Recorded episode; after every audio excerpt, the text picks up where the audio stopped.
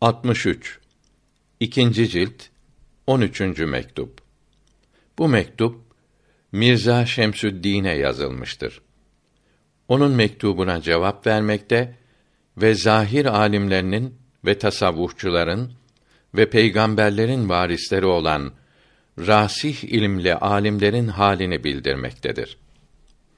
Allahü Teala'ya hamdolsun ve onun peygamberine salat ve selam olsun. Size ve doğru yolda olanlara dualar ederim. İhsan ederek göndermiş olduğunuz şerefli mektubunuzu kıymetli kardeşim Şeyh Muhammed Tahir getirdi. Okuyunca bizleri sevindirdi. Sizinle buluşuncaya kadar mektubattaki nasihat verici mektupları okumaktayım diyorsunuz.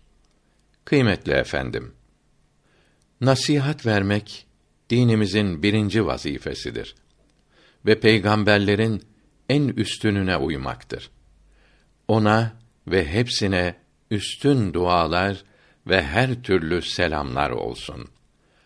Alimlerin dinden ellerine geçen şey ve Resulullah'a uymaları önce itikatlarını düzeltmektir.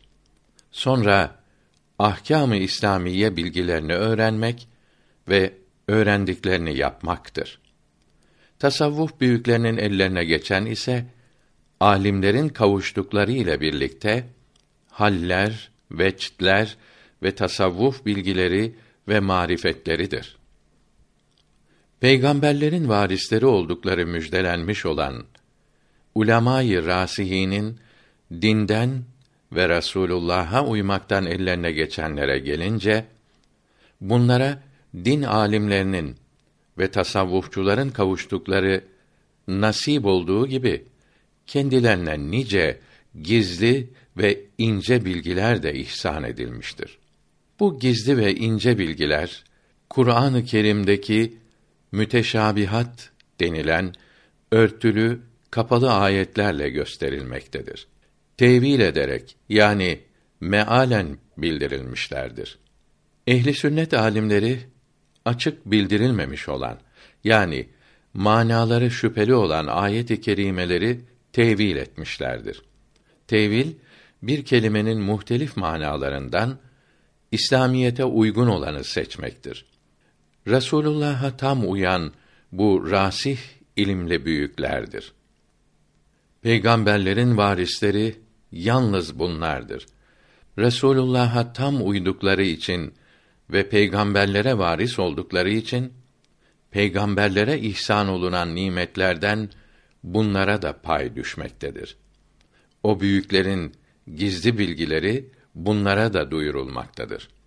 Bunun için ümmetimin alimleri İsrail oğullarının peygamberleri gibidir.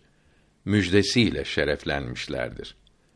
Bu hadisi şerifin sahih olduğu kitabımızın ikinci kısmının beşinci maddesinde de yazılıdır. O halde siz de peygamberlerin en üstününün ve alemlerin Rabbinin sevgilisinin yoluna sarılınız.